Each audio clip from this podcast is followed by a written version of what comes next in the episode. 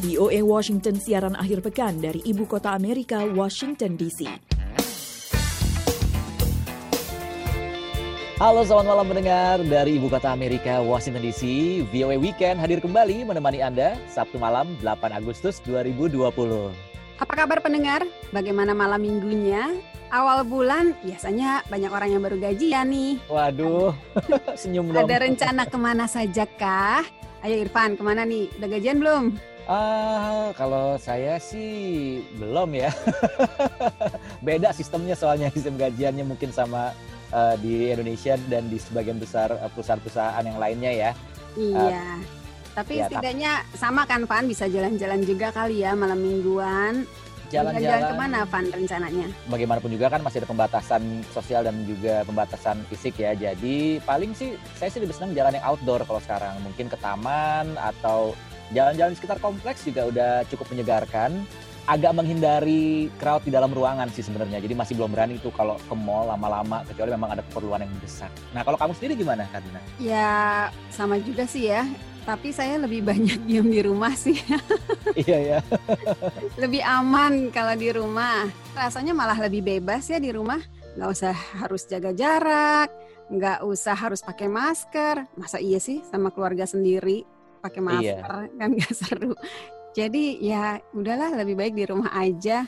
Iya benar sih. Kalaupun jalan-jalan keluar, ingat ya social distancing masih harus tetap diterapkan semasa pandemi ini karena kita tidak tahu pasti apakah orang-orang di sebelah kiri kanan kita mengidap virus corona atau tidak. Kita kan nggak tahu kan. Bisa jadi orang-orang itu kelihatan sehat tapi ternyata membawa virus dan menularkan kepada orang-orang di sekelilingnya. Iya, dan orang seperti itu ada istilahnya Irfan disebutnya asimptomatik. Keren nah, kan? istilahnya sih keren tapi dampaknya agak-agak menyeramkan juga karena nggak kelihatan kan orang-orang di sekitar kita itu kelihatannya sehat tapi ternyata ada virus. Terus kita beresiko untuk terkena juga ya kan? Iya itu justru bisa menyesatkan ya. Mm -mm.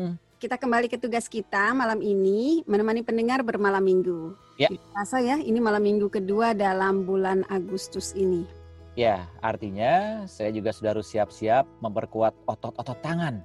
Hmm? Kok menyiapkan otot? Apa hubungannya? Memangnya kamu mau ikut kompetisi angkat beban? Bukan, siap-siap untuk lomba 17-an. Saya mau ikutan tarik tambang. Ya, Tapi gimana ya kalau lagi pandemi gini ya tarik tambang? Ya? Niat banget ikut lomba 17-an. Memang ada lomba tahun ini. Itu dia nggak tahu gimana ya kalau pakai masker kan sesak juga. Tarik tambang kan perlu tenaga dan uh, narik udara yang banyak. Hanya. Tapi har harusnya sih tetap ada ya perayaan 17-an ya, ya nggak sih? Iya. Kan paling nggak bisa mengingatkan ya, wah kekuatan tubuh. Tapi tahu saya sih semua acara hmm. terkait Hari Kemerdekaan Indonesia di Washington DC area ini dibatalkan, Van. Termasuk beragam lomba. Bahkan lomba catur aja juga nggak ada, apalagi tarik tambang. Jadi, Waduh. ya sorry Devan, nggak ada tarik tambang di tahun ini. Nggak bisa tampil dong saya. Irfan nggak bisa tampil dong tidak bisa menunjukkan iya. otot-ototnya. Ya udah kalau gitu karaokean secara virtual aja deh. Jangan kecewa ya Van. Mungkin bisa dipersiapkan lebih baik untuk tahun depan aja. Ya, Soalnya gitu, tahun ini mhm. kan uh, katanya bahkan tidak akan ada acara panggung gembira dan bazar. Padahal yeah. Ivan tahu kan, dua acara itu paling ditunggu banyak orang nih di Washington DC ini supaya bisa saling ketemu sambil makan masakan Indonesia ya yang khas gitu kan sambil iya. ngobrol udah lama nggak ketemu gitu Iya, ya udah kalau gitu saya relax aja deh, nggak perlu olahraga olahraga mempersiapkan fisik yang segitu ininya ya, ya intensnya. Kalau gitu sekarang mau santai aja sambil menemani pendengar menyimak VOA Weekend. Ya, pendengar senang sekali kami berdua bisa menemani Anda malam minggu ini. Saatnya relax sejenak menikmati sajian kami. Tetapi apa saja nih Van yang akan kita suguhkan malam ini? VOA Weekend malam ini dalam segmen Faith and Tolerance atau agama dan toleransi ada informasi tentang Islam di Amerika. Pembahasan kali ini tentang dapur yang bukan sembarang dapur, Irfan, fokus dong. Tadi ngaco ngomong soal 17-an mau tarik tambang. Sekarang ngomongin dapur. Memangnya kita lagi bicara rumah. Ke dapur yeah. segala sih. Kamu langsung motong sih. Ini serius nih soal agama dan toleransi. Topiknya memang tentang dapur. Masa sih? Apa hubungannya agama sama dapur? Beneran tentang dapur. Namanya Frontier Kitchen. Dapur ini melayani keluarga muslim di Fairfax, Virginia. Apa yang mereka lakukan? Kita simak laporannya nanti sesaat lagi ya. Oh, beneran. Oke, kita tunggu ya. Nah, sedangkan dalam segmen kedua, Women Empowerment atau pemberdayaan perempuan, kami akan menyajikan kiprah seniman komik Maroko dalam menyuarakan hak-hak perempuan. Ya, sedangkan dalam segmen US Education atau pendidikan di Amerika terkait pandemi virus corona, kami akan menyajikan informasi tentang upacara mengenang mahasiswa yang meninggal karena COVID-19. Penyelenggaraannya adalah perguruan tinggi bersama kerabat sang mahasiswa. Duh, sedih ya Van ya. Iya. Tapi ya kita mulai saja Irfan sajian VOA Weekend malam ini. Kita awali dengan segmen Faith and Tolerance. Ya, dampak pandemi COVID-19 terhadap industri makanan dan jasa restoran di Amerika menyebabkan banyak koki lokal yang kehilangan pekerjaan. Dua koki yang bekerja di Washington DC kini menyiapkan makanan halal bagi keluarga-keluarga muslim di Virginia. Mereka adalah bagian dari program perintis baru mengenai kesetaraan mendapat makanan yang menarget kelompok-kelompok masyarakat yang kurang terwakili seperti warga muslim yang tidak terlayani oleh program pengiriman bahan makanan biasa.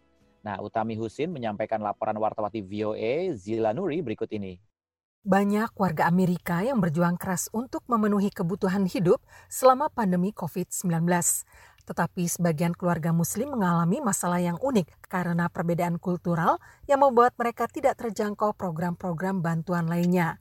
Di Kanti, wilayah setingkat Kabupaten Fairfax di Virginia, para pejabat berusaha memastikan program bantuan mereka dapat menjangkau semua orang. Brian Hill, eksekutif Kabupaten Fairfax mengemukakan. It's about employment and it's also about ensuring that we have a one Fairfax concept throughout our community.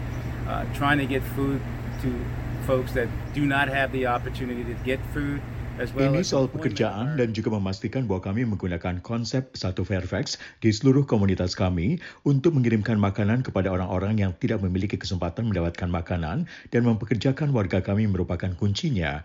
Apa yang dilakukan merupakan bukti bahwa kita melewati COVID ini sebagai satu kesatuan bukan satu sumber yang terpisah-pisah tetapi sebagai satu kelompok. Untuk mendukung program ini, Dua koki dengan latar belakang kemampuan memasak hidangan Timur Tengah membantu dengan menyiapkan makanan halal untuk didistribusikan sebagai bagian dari program perintis bantuan makanan.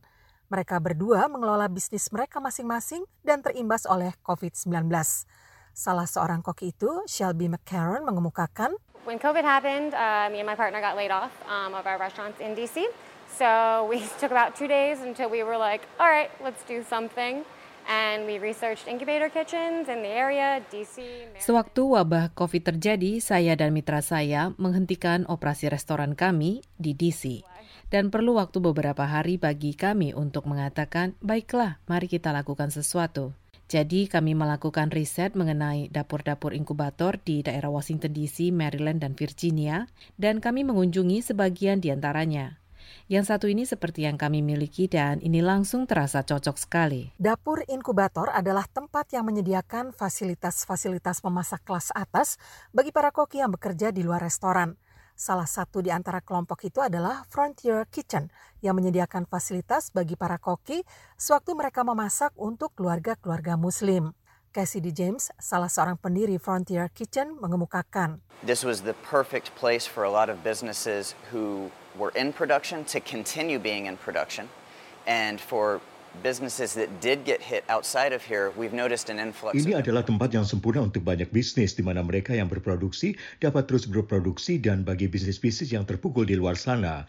Kami perhatikan bahwa banyak dari mereka datang ke dapur kami untuk terus berproduksi meskipun mereka sebetulnya tidak dapat keluar dari restoran mereka yang sudah eksis. Program ini memberi keluarga-keluarga muslim pilihan makanan vegetarian atau yang berbahan daging olahan dan bahan-bahan kebutuhan makanan pokok lainnya. Dawn Hyman dari One Fairfax Program mengatakan program perintis ini melayani para anggota komunitas yang beragam termasuk muslim. Simon mengatakan, We did some research and we have data and based on the data we recognize that our Muslim community has a high need as it relates to halal foods. Kami melakukan riset dan memiliki data. Berdasarkan itu, kami menyadari bahwa komunitas Muslim kami memiliki kebutuhan yang tinggi akan makanan halal dan banyak pendistribusian makanan ini berlangsung pada pertengahan minggu, bukan pada akhir pekan. Jadi kami ingin menutup kesenjangan itu juga. Iman Habib, pemilik usaha truk makanan Bonebon, mengatakan wabah COVID-19 menyebabkan ia kehilangan 70 persen penghasilannya.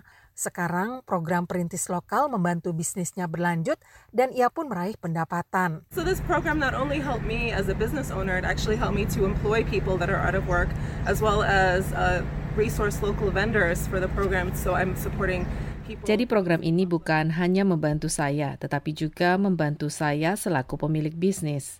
Ini pun benar-benar membantu saya mempekerjakan orang-orang yang kehilangan pekerjaan juga sebagai pendukung vendor lokal bagi program ini.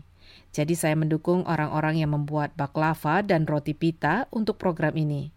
Jadi semua orang mendapat manfaat dari program itu. Para koki berkumpul dan menyiapkan makanan bagi 250 keluarga per minggu di Frontier Kitchen. Kegiatan mereka mulai dari berbelanja bahan dasar untuk dimasak sepanjang minggu, serta untuk memasak hidangan keluarga mereka.